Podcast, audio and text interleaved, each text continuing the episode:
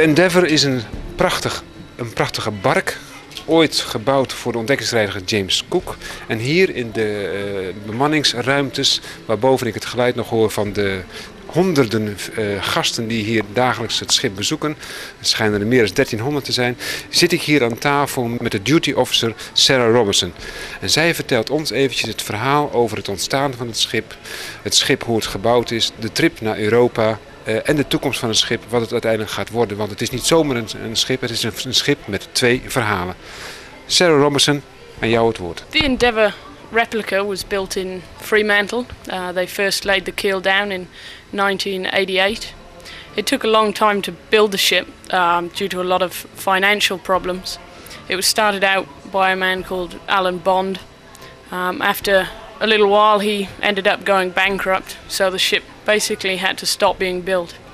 After that time, it was taken upon by the guides. They volunteered their time. People paid to come and see the ship being constructed, so they were walking through basically a, a shipping construction, uh, paying to see the different stages of the ship being built.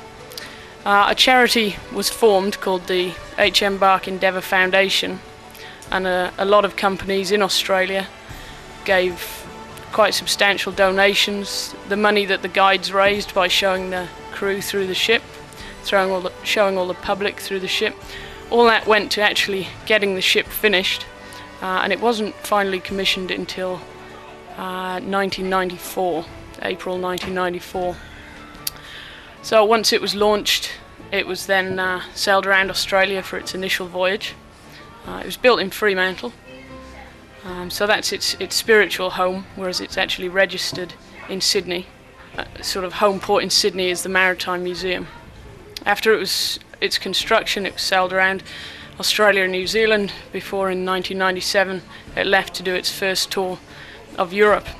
It reached England after a three month voyage, sailed around the coast for about a year before heading off to America, uh, down to the Galapagos, through the Caribbean, Hawaii, Fiji, New Zealand.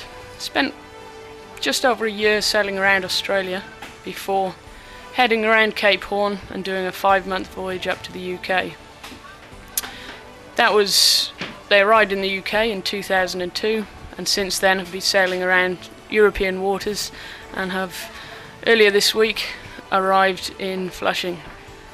I'll be going to Antwerp and Rotterdam then, back to back to London and up to Whitby, where the original Endeavour was uh, built. The original Endeavour was a coal carrier. It's called a Whitby Cat. Um, a merchant ship. It was built in Whitby. It used to carry coal down into London, and then would go back full of full of rock, and then come back full of coal again. So that was pretty much how it would normally have spent its life. But the Navy decided they needed a special type of ship, and rather than going out and building a new one to all new special designs and different uh, architecture, I suppose, um, they found a ship which was sort of the right size, um, had enough space in the hold to fit enough food and water and all the supplies for the three year voyage. The only trouble was it didn't have enough space for enough people. They wanted to take around 100 people on the voyage, but it only had room for about 20. So what they did, rather than redesigning it, was they bought the ship and laid another deck on it. That's why in one area of the ship it's almost 8 foot tall, and in the officers and the Marines accommodation it's only 4 foot 7 they didn't really mind too much if the officers and the Marines were inconvenienced. It was a sort of a quick, cheap way to get the ship they wanted to be on the voyage they wanted. The reason for the trip, the primary reason, was the transit of Venus.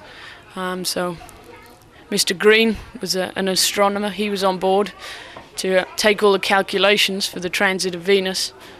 Um, they were hoping to accurately be able to work out longitude they sent people to 160 different countries, um, different places all over the world, and um, tried to get work out calculations to find out longitude, but as it was, it didn't work. The calculations ended up the instruments weren't accurate enough, so uh, it didn't work in the end. Once they left Tahiti, Cook opened a new set of orders, which were they'd been sealed up to that point. So his new orders were to go and try and find the Great Southern Land, which at the time was known as um, New Holland. The Dutch had been there and discovered the uh, west coast, which was is fairly barren. There's a lot of sand and not a lot else. So Cook went in search of um, New Holland, or Terra Australis. They bumped into New Zealand, did some chart some chart work around New Zealand. Uh, a lot of the charts around New Zealand are still accurate enough to be used today, except for the, the new buoyage systems we put in.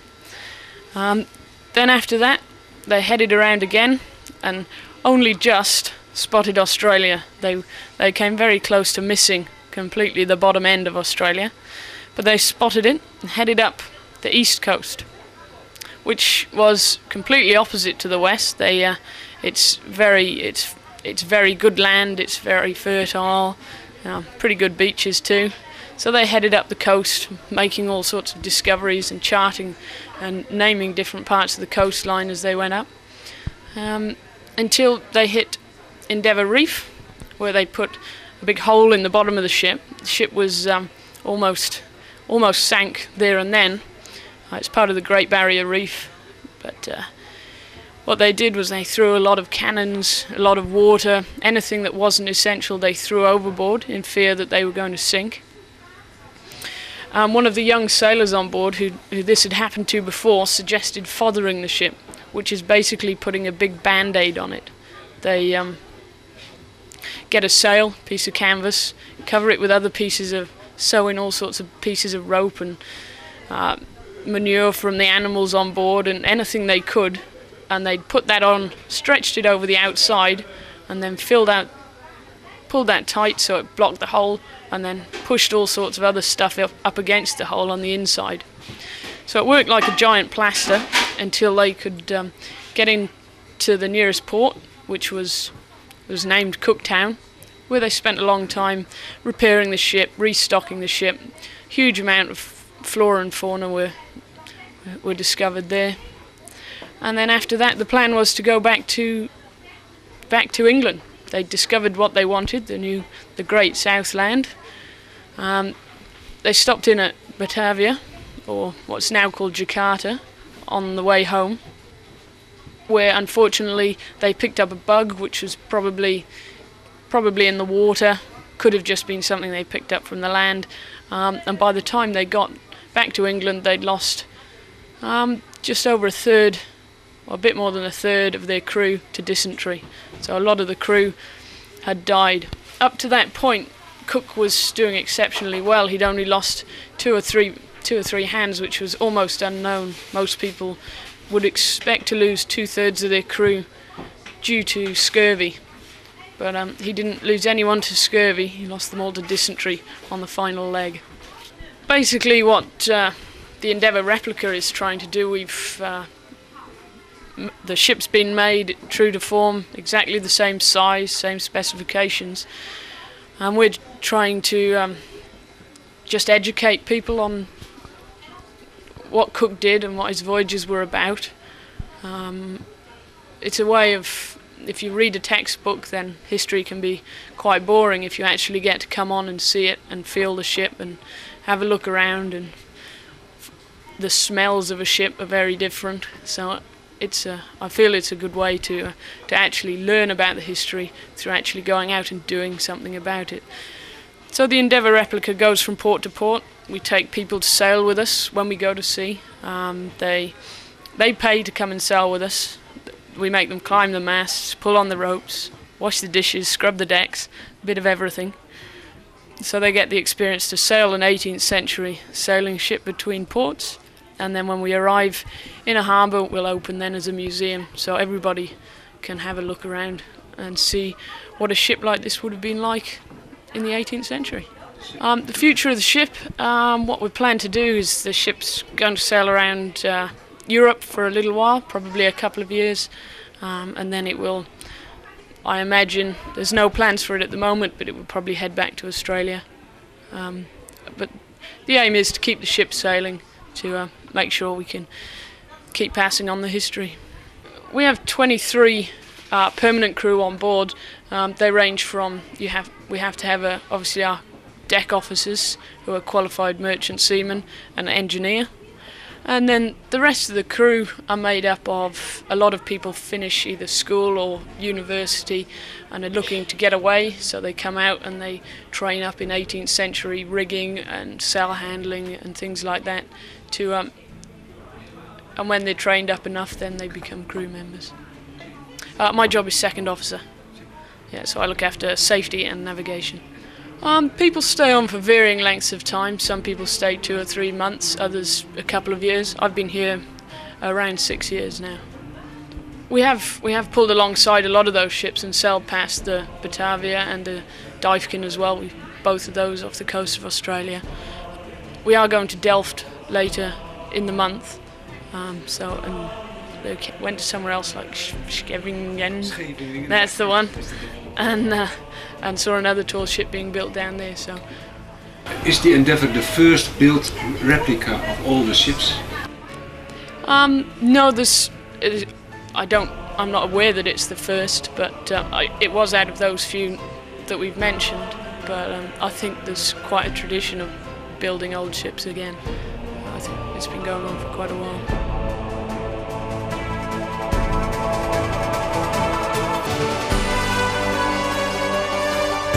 Die expeditie hebben ze gemaakt met, uh, met 94 man aan boord. En die kunnen nu ook allemaal slapen. Toen hebben ze het schip omgebouwd. Want dat was uh, oorspronkelijk een vrachtschip, uh, kolenvervoer. En toen hebben ze een extra dek ingelegd. En dat kom je straks wel tegen, want dat is, dan heb je ruimtes die zijn maar zo hoog. En daar sliepen dus ook wel de boel. Zaten, achterop zaten de officieren natuurlijk, vooraan de manschappen.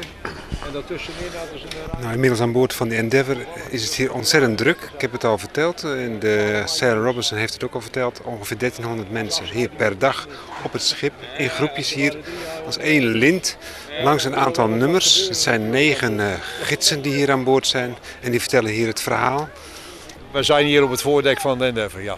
En het is... Uh, er zitten nou ja, eh, als je hier, van hieruit heb je het beste overzicht over het schip in feite. Er zit 25 eh, kilometer touwwerk hangt er daar. Dus uh, dat is alleen het lopende touwwerk dus. En het, al die, zwart geteerde touwen en dergelijke, die, die worden daar niet bij gerekend. En nou ja, je ziet het, een enorme boegspriet zit eraan. Met een kluivenboom erop. En, uh, en dat is een, wat is dat, een kluiverboom? kluiverboom. Dat is dus een, een verlengde van de, de boegspriet is, is vast en die kluiverboom is, die kun je dus wegnemen als je dat wil. Een langere fok kun je dus erop zetten? Uh, meer fokken, uh, kluivers. kluivers. Je begint van buitenaf met een buitenkluiver, een binnenkluiver. En dan een paar fokken zitten erop natuurlijk en dat soort dingen meer. Ja. Nou is het voordek een deel van het schip. Ik dacht dat het schip ongeveer 33 meter lang was. 33 meter lang, ja. Ja, nog meer maten, nog meer uh, getallen? 9 meter breed. En er staan nog een paar kanonnen aan dek. Oorspronkelijk uh, op het originele schip dan, dit is een replica natuurlijk, maar op het originele schip daar stonden ongeveer 10 kanonnen op. Want ze gingen toen uh, die expeditie die ze gemaakt hebben dus naar de Stille Oceaan, dat was, die heeft drie jaar geduurd. Dus dan kun je natuurlijk in de tussentijd kan er van alles veranderen. Dus ze moesten behoorlijk bewapend zijn ook natuurlijk. Waren ook twaalf mariniers aan boord. En, en, wetenschappers ook? En wetenschappers, ja. En uh, het is uh, uiteindelijk door een, uh, een botanicus is het grootste gedeelte van de financiering van die, van die on ontdekkingsreis dus werkelijk voor elkaar gekomen. Die, die Banks is aan boord gekomen, dat was nog een vrij jonge vent, die was ergens in de 30. Maar die had kennelijk heel veel geld. En die heeft dus een zaak gefinancierd en als tegenprestatie kreeg hij de hut van de kapitein hier aan boord. De kapitein die werd aan een kleiner hutje gestoken. En uh, ja, op die manier uh, is dat ongeveer gebeurd. Nou zijn jullie met 60 mensen hier uh, gevraagd om in een mini-cursus iets als gids te vertellen. Ja. Hebt u iets met, het, met, met zeevaart, met maritiem?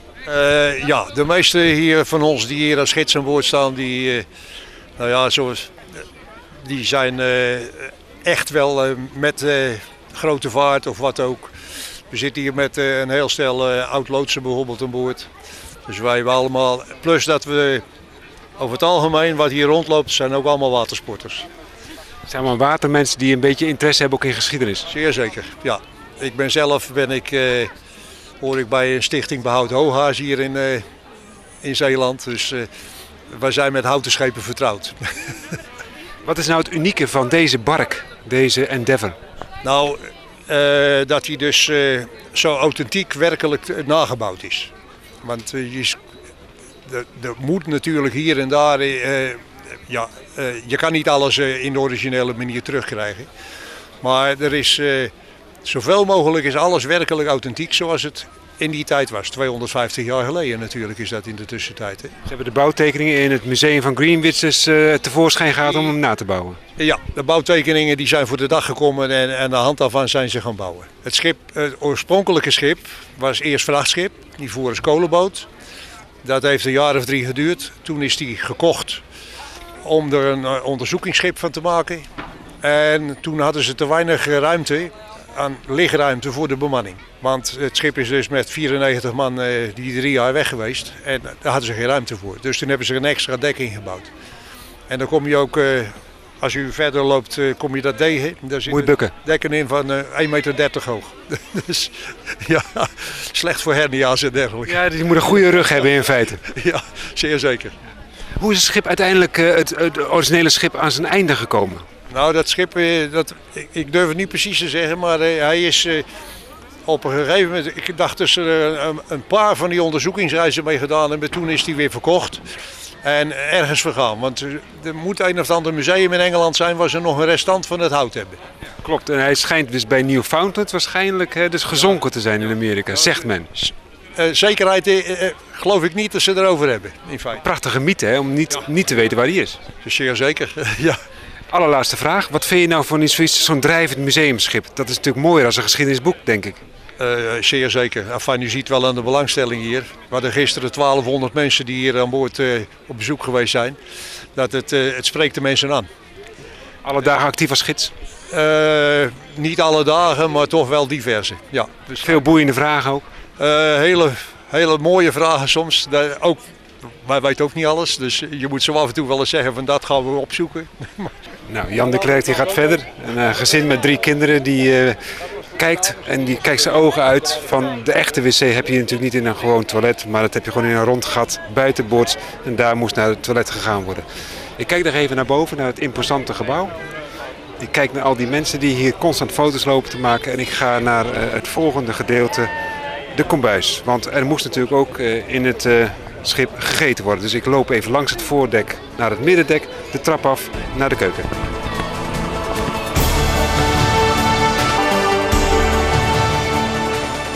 We luisteren even mee met de gids nummer 2 die hier in de kombuis staat van de Endeavour.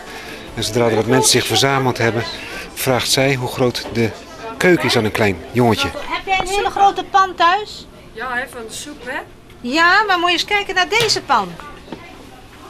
Dan moet je echt in klimmen. Ja. Moet je in klimmen. Jongetje van een jaar of vijf wordt opgetild en kijkt eventjes hoe groot de pan is eh, van dit eh, 230 jaar oude schip. De gids gaat verder hoe de pan schoongemaakt wordt. In de afwasbak. Met een afwaskwast, hè? Kijk eens naar deze afwaskwast. Kijk eens. Dat is de afwaskwast van deze pan. Dat is speciaal, nee? Een hele speciale. En dan halen ze dat, doen ze dat zoute water, halen ze met zo'n emmertje voorbij, doen ze het hierin. Hebben ze wel vuil water, maar ze kunnen die pan niet optillen. Hoe doen ze dat vuile water eruit? Met een emmer. Maar weet je wat ze dat doen? Kraantje open en het emmertje eronder. Goed zo. Ja, makkelijk. Het is makkelijk, hè? Moet je thuis ook maar eens proberen. En dan vraag je of papa een kraantje maakt. Emmertje eronder. En lekker in de tuin gooien. Ja. Over het balkon. Ja. Goed. Dat is leuk, hè? Zijn er nog meer details te vertellen dan behalve die enorme pan en de afwaskwast? Eh, ja, eigenlijk wel veel. Maar het is heel, er zijn er nog meer gidsen die nog meer hier... Oh, ieder heeft namelijk een eigen hoek. Ja, jullie zijn voor de kombuis, hè? En wij zijn voor de kombuis, ja. Er zijn meer gidsen.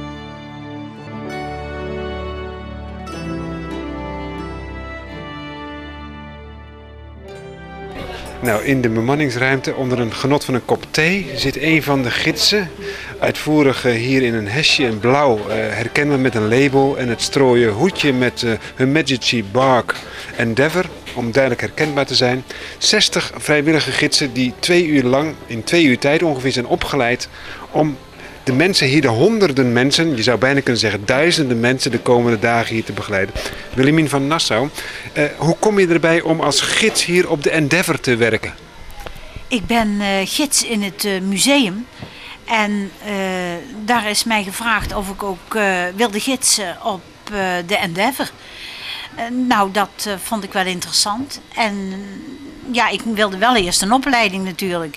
Nou, die opleiding heeft precies zoals je zei eh, twee uur geduurd. Nou ben jij dus ingedeeld bij het bemannings, de bemanningsverblijven. Dit zijn een beetje de Europese, de moderne verblijven. Hè? Hier met veel aluminium en eh, veel moderne ideeën. Maar jouw verblijf, dat, dat straalt nog een beetje de geschiedenis van de 18e eeuw uit. Ik eh, sta dan eh, bij de bemannings, eh, op de bemanningsruimte, of in de bemanningsruimte moet ik zeggen. En daar is eh, bijvoorbeeld, eh, ziet men eh, hoe ze leefde, die bemanning. Eh, de bemanning daar eh, leefde dan, eh, ze aten en ze sliepen daar. Ze aten per zes eh, zeelui aan tafel zaten ze. En dan eh, werd er per zes iedere maand een ander gekozen voor hulpkok. En die moesten dan de tafel dekken, tafel afruimen, afwassen. En dan de volgende maand werd er weer een andere gekozen. Dan was er een ploegendienst van 14 op, 14 af. Leuk om aan de kinderen uit te leggen, want dat kennen ze niet. En die, als ze dan eh, klaar waren, dan gingen ze in die hangmatten slapen. En die hangmatten van de bemanning, eh, leden, die waren maar 35 centimeter breed. En van de officieren 45 centimeter breed. En ja, onderscheid moet er zijn. En dat was er in die tijd een norm tussen officieren en bemanning. De officieren bijvoorbeeld dronken wijn bij het eten. De bemanning bier en water. En als dat bier op was, en dat gebeurde natuurlijk heel vaak, want ze pikten ook bier, dan hadden ze enkel water. En men moet zoet water drinken, wil men in leven blijven, want men vaart dan over de oceaan en mijn zout water kan niet. Hè? Nou, en als dat zoete water, dat is onderhevig aan bederf. En dan kwamen er kleine beestjes op drijven, wormpjes. En hoe dronken, ja, men moest toch drinken. En hoe dronk men dat dan? Dan ging men met de achterover met het hoofd, tanden op elkaar en goot zo het zoete water in. En dan bleven de beestjes op die tanden. En dan veegden ze zo dat het eraf. Ja, dan griezelen de mensen hoor. Prachtig detail. Eh, De eerste tochten die James Cook, de ontdekkingsreiziger, gemaakte met de Endeavour, dat was eind 18e eeuw. Eh, hij moest natuurlijk eh, oppassen voor het grote gevaar, de scheurbuik. Daar had hij dus, was hij heel inventief in geweest, want de mensen moesten een streng, moesten een streng dieet of een menu volgen. Ja, kapitein Cook was zijn tijd erg vooruit. Want hij sloeg namelijk zuurkool in en ook sinaasappelsap. Hij wist wat de gevolgen van scheurbuik. En als eh, men denkt aan de VOC-tijd, eh heerst de scheurbuik enorm. Maar hij eh, wist daar al van hoe dat te voorkomen. En men ziet dan ook op dit schip, het is natuurlijk allemaal namaak van grote tonnen met zuurkool en ook speklappen. Want dat was het voedsel van de bemanningsleden. Die moesten hard werken. En eh, de vitaminerijk eh, voedsel ook eh, hebben. Want de vaartijden waren heel lang, hè, jaren. Je ruikt het schip, je proeft het schip. Eh, De mensen voor de radio kunnen het schip niet zien. Maar als ik dus in die bemanningsruimte rondkijk, eh, Willemien, dan zie ik inderdaad ook die hangmatten. Ik zie die eh, prachtige banken. Ik zie die houten vloer. Maar er was een dek bijgebouwd omdat er zoveel mensen mee moesten. Dat is wel een apart verhaal. Dat is ook een leuk verhaal, dat vertel ik ook. Want ik sta daar zo bij een tussendek is er gebouwd. En dan moeten de mensen echt bukken. En hele lange mensen hebben daar echt moeite mee. Die moeten helemaal kruipen. Waarom was dat tussendek? In eerste instantie was het een kolenschip. En eh, Captain Cook was 40 jaar toen hij eh, opdracht kreeg om met dit schip te gaan varen. Eigenlijk moest hij de hemellichamen gaan te eh, bestuderen. Nou, maar hij wilde per se 94 bemanningsleden. En eh, die bemanningsleden, ja, natuurkundigen wil niet mee, schilders, tekenaars. eh, want er bestond geen fotografie, dus dat moest allemaal nagetekend worden. En eh, die moesten dus eh, ja, erg slapen en leven. En toen is daar een tussendek gebouwd.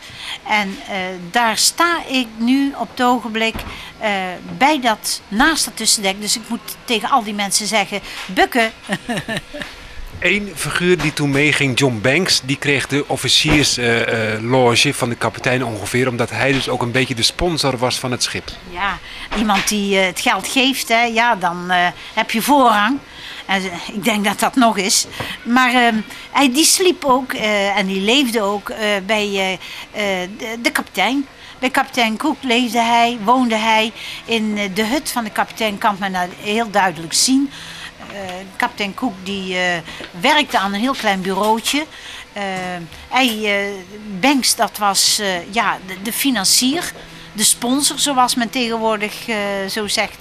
Ja, en sponsors daar, die zijn toch een beetje de baas, hè? En wat jij net zei natuurlijk, eh, je had in die tijd ook al een eerste klas eh, dek en een tweede klas dek zou je bijna kunnen zeggen. Eh, nog meer details, want dat is natuurlijk het mooie van dit schip, dit museumschip. Het is zo geweldig gedetailleerd. Je loopt echt in die 18e eeuw rond. Ik vind de, de kapiteinshut en die kleine hutten die daarbij eh, zijn erg interessant. Ik sta zelf dus op de bemannings, eh, eh, bemanningsdek, maar de kapiteinshut is heel erg interessant omdat kapitein Koek ehm, natuurkundige meenam. Hij nam schilders mee, hij nam tekenaars mee. Eh, en dat kan men ook zien waar die personen ook nog eh, werkten en hoe ze werkten, hoe klein behuisd dat ze waren en wat ze allemaal maakten eigenlijk in, die, in, in zo'n kleine ruimte. Eh, nou waren de mensen dus niet zo groot als wij tegenwoordig. Hè? Ze waren maar 1,55 meter, 1,60 meter hooguit. Dus ja, ze hadden niet zoveel ruimte nodig, maar toch zou ik, dat vind ik wel het interessantste, dat ze in zo'n kleine ruimte zoveel werk konden verzetten. Ook kom ik terug op die bemanningsruimte.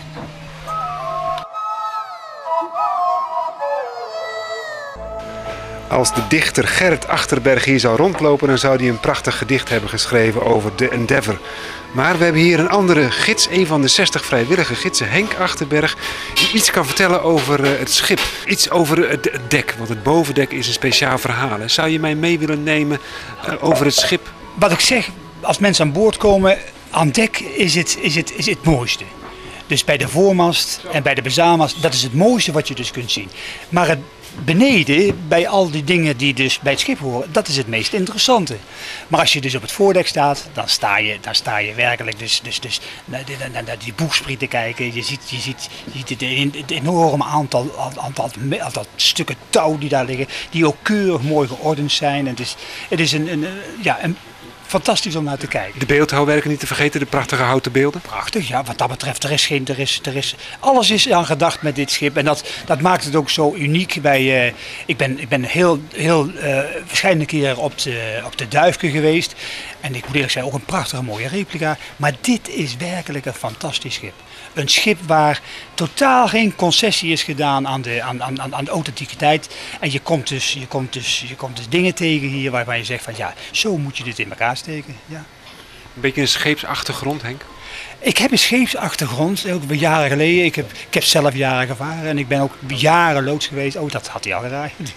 Het kan bijna niet wissen. Ja. die achtergrond is er gewoon. En, dus, en die liefhebberij voor dat, voor dat hele vak en voor dat alles erbij zit, is er gewoon. Ja. Maar dan voel je het leven van het schip, dan voel je ook hier de prachtige de kunst om het weer opnieuw eh, in replica vorm terug te krijgen. Want het is een kunst. Het is niet alleen een kunst, maar je moet, je moet met z'n allen goed weten wat je doet. Ook al omdat het een enorme kapitaal moet kosten voordat je dus eh, zo'n schip dus, eh, kunt gaan bouwen. Ik heb begrepen dat de tekeningen speciaal opgekomen zijn van de admiraliteit uit, eh, uit, uit, Londen. En dat dus, en, en ja, anders als dat andere schepen dus herbouwd werden of re- replica van gemaakt werden, is dit helemaal authentiek. We hebben een aantal eh, dingen nog aan het dek die misschien nog bijzonder zijn voor de luisteraar om te vertellen. Heb je nog een, was het ook een schip, het was een voormalig kolenschip hè, uit de 17e eeuw. Is het nog een beetje aangepast om zo'n lange avontuurreis van James Cook, want die is bijna drie jaar lang weggebleven, om dat een beetje aan te passen? Ja, ja het schip is dus gebouwd als, eh, als kolencarrier. Eh, wij zouden zeggen als, als bullencarrier. Daar werden dus kolen dus van Noord-Engeland verscheept naar, eh, naar Londen en naar andere bestemmingen. En toen is dat schip is aangekocht door de admiraliteit op advies van Captain Cook zelf. Want Captain Cook kende het schip en die zei dit is een schip wat ik wil hebben, we gaan, dan gaan we het aanpassen. En het schip voer normaal met 35 man, 40 man. En nu zou dat schip gaan varen met, met, met, met, met bijna 100 man. Dus ja, er moest wel wat gebeuren. Er is ook een, een heel dek is erbij gebouwd. En, en als je daar dus het, het ook onder het, in het schip kruipt en je, je gaat onder dat dek doorkruipen, dan kom je erachter dat je een hoogte hebt van 1,30 meter. Daar kan zelfs de kleinste mens niet fatsoenlijk door. En daar woonden, leefden, werkten, weet ik hoeveel mensen in die tijd. Dus het grootste deel van de, van de matrozen zat onder dat dek. We hebben net al, ik heb het net aan je collega gids ook al gevraagd. eh, Die had een eerste klasdek en een tweede klasdek. Ik wil even met jou naar die kapiteinshut. Was dat een grote, ruime hut? Ja, de kapiteinshut. De kapitein staat helemaal boven de partij als het gaat om zo'n schip. Dat was ook het, het meest opvallende elke keer als je, als je met een groep mensen dit moest vertellen. Ja, die kapitein, ja, die, die kapitein die heeft een hele bijzondere positie op dat schip. Dus dat hele grote verblijf achter was helemaal alleen voor die kapitein. Nu moest hij enige concessie doen vanwege het feit dat er een, zekere Mr. Banks meeging als, als financier van die, van, van, van, van, van, die, van die trip. En daarom moest hij wat, wat concessie doen in verband met, met, met het verblijf. Dus een gedeelte van zijn verblijf ging naar die man. Ja, ik denk dat het wel gespannen geweest is toen, want daar zal hij niet zo erg veel voor gevoeld hebben. Kunt u voor de radio beschrijven zo'n kapiteinshut? Wat was er allemaal in? Alleen maar een tafel en een bed en een, en een kastje? Nee, nee, nee, de kapitein had een aparte slaaphut. Dus dat, was, dat stond er buiten. Er stond ook geen wastafel, want dat stond er ook buiten. Dat was de kajuit van de kapitein. Daar stond, eigenlijk stond daar centraal een grote tafel in. De tafel was in dit geval eh, was die helemaal, eh, lag die vol met kaarten en met, en met eh, planten en andere dingen die dus verzameld zijn in die, gedurende die trip. En ik denk dat, dat, dat het meest interessante aan dat, aan dat verblijf is wel dus eh, de, gedachte dat rond die tafel werd die reis doorgenomen. En werden die, dat, dat, die, dat reisplan werd gemaakt. En die, eh, ja, het, het, het, het, het had iets mystieks vind ik altijd. Dus de, de, de hele, de hele, de hele eh, ruime, grote kajuit van die kapitein.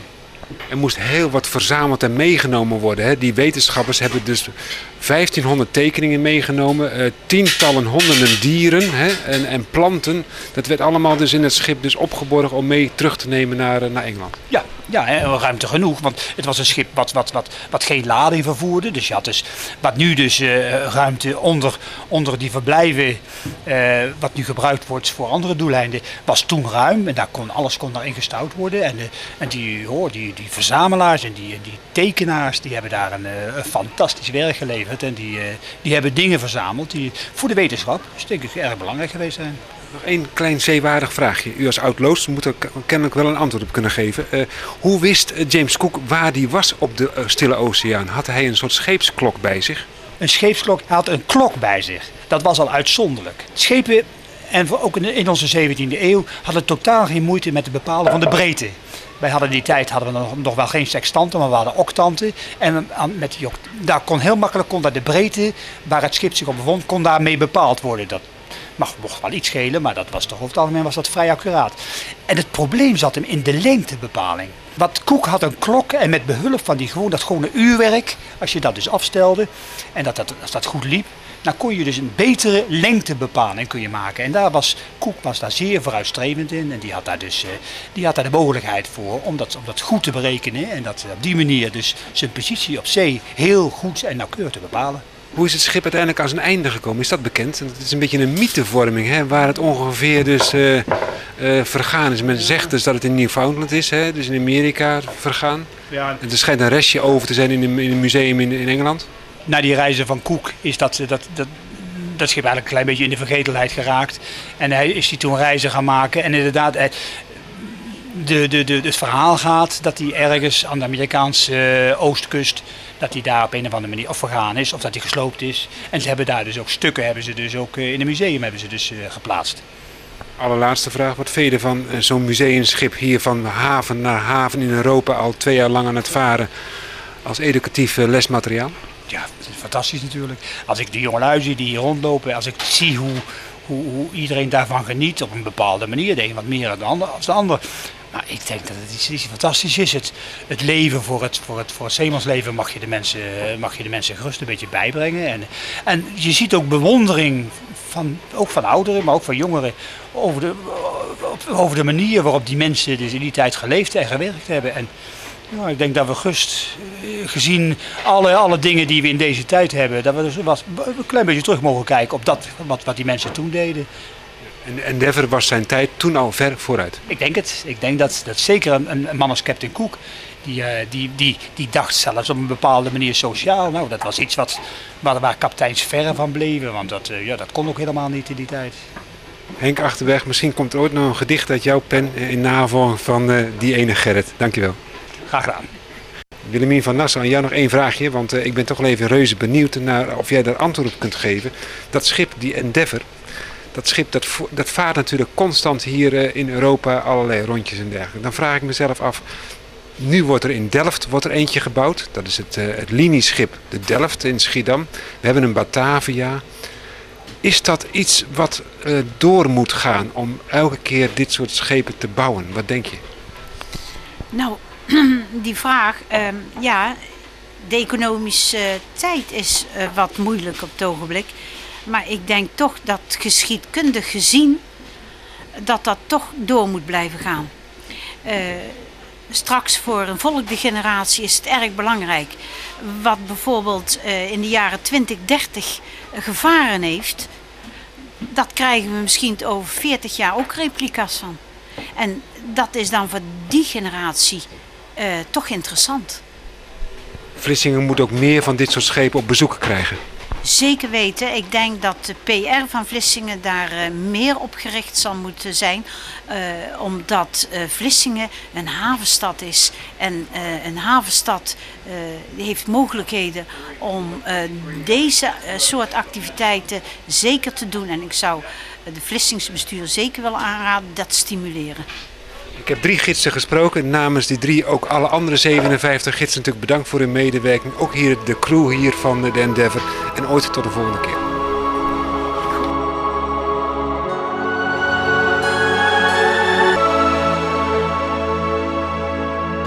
Mevrouw Cornelis is ook een van de 60 gidsen. Schrijft nog even hier aan aan tafel. Mevrouw Cornelis, eh, hoe bent u er uiteindelijk bij gekomen? Als vrouw van de loods? Nee, nee, als eh, rondleider in het museum hier ook. Dus dan ben je al geïnteresseerd in maritieme eh, geschiedenis. Ja, niet, niet van huis uit, want ik had een heel ander beroep. Maar mijn bijbel als kind was eh, de Scheepsjongens van Bontekoe. Dus eh, En daar loopt u nou als het ware gewoon eh, helemaal doorheen. Hè? daar, loop ik op blind. Ja. U bent overal geweest, hier op die Endeavour. Wat is nou het bijzondere, als u daar nog een beetje aan terug mag denken, van dit schip? Het bijzondere, het, dat stopt gewoon niet. Want iedere dag dat ik hier nu ben, en ik ben va- vaak hele dagen aan boord, leer ik enorm veel. Van gasten die mij dingen uitleggen. Van, eh, over de planten die op de tafel liggen in de kapiteinshut. Die echt uit Australië komen. Kijk, dat soort details, dat, dat leer je dus extra. eh, de bescherming van de, de, de ramen in de kapiteinshut, waar allemaal luiken voor kunnen als het slecht weer is. En zo. Al dat soort dingen leer ik. Het is heel leuk. Dat is dus meer als die twee uur dat u dus bent geïnstrueerd om dus hier als gids te mogen fungeren. Ja, dat was eigenlijk niks. Dat was in feite alleen die folder doornemen. Maar de folder, daar zeg ik van, dat lezen de mensen nu wel zelf.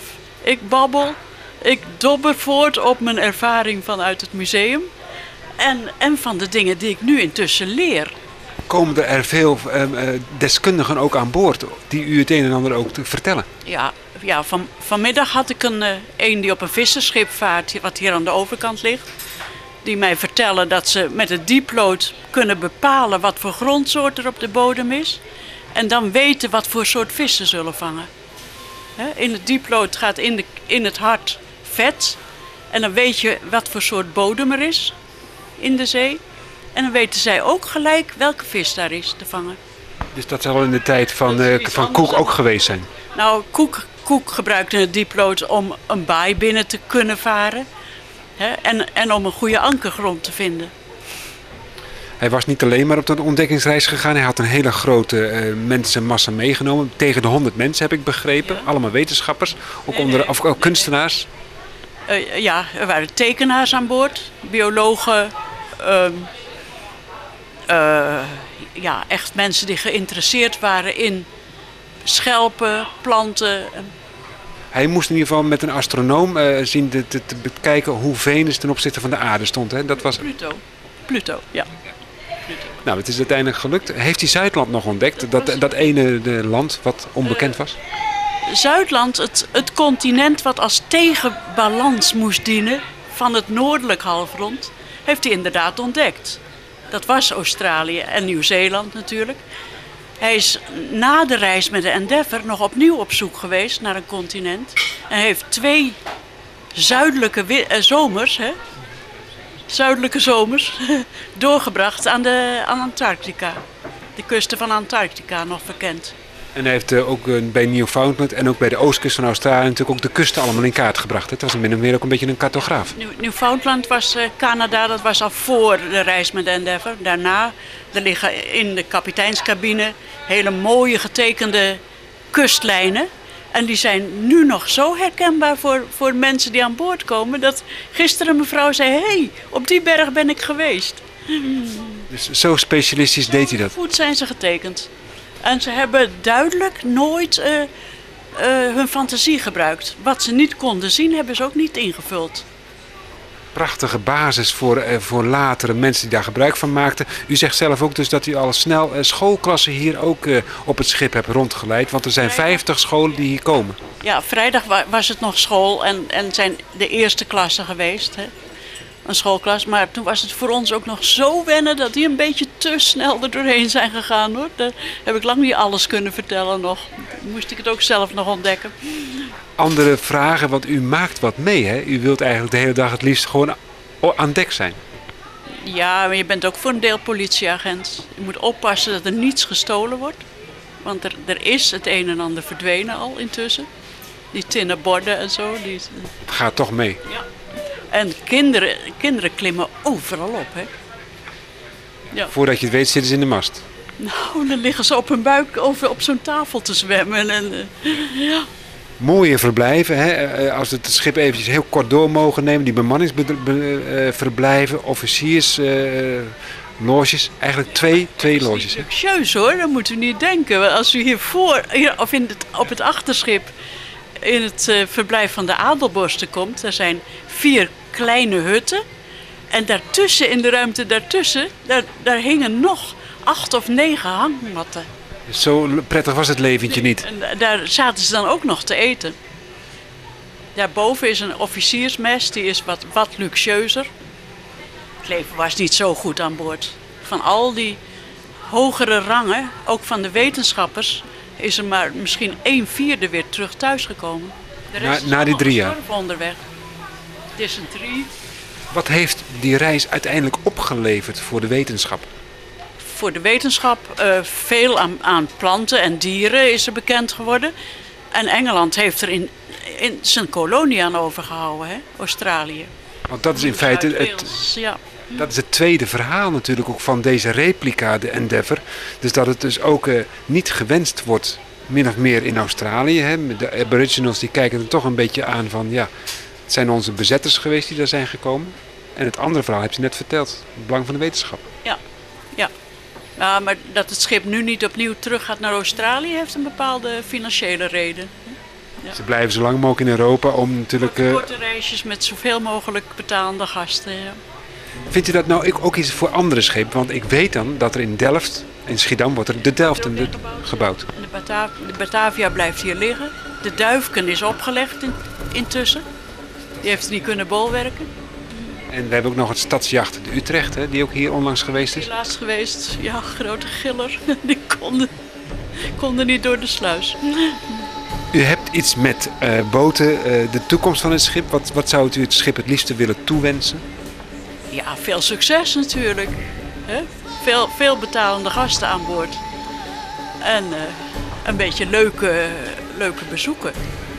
En u hebt als eh, eerste lezeres van de scheepsjongens van Bontekoe nu het echte schip als gids hier mogen bekijken. Ja. Mevrouw Cornelis, bedankt Ik begrijp eventjes. ook waarom er eh, altijd een wacht bij het kruidvat staat. Ja, is, en, eh, nou, dan mag je dat nog eventjes kort vertellen. Dat vind ik wel leuk. Ja, streng verboden om met open vuur bij het kruidvat te komen. Want het schip van Bontekoe is de lucht ingegaan. Dank u wel.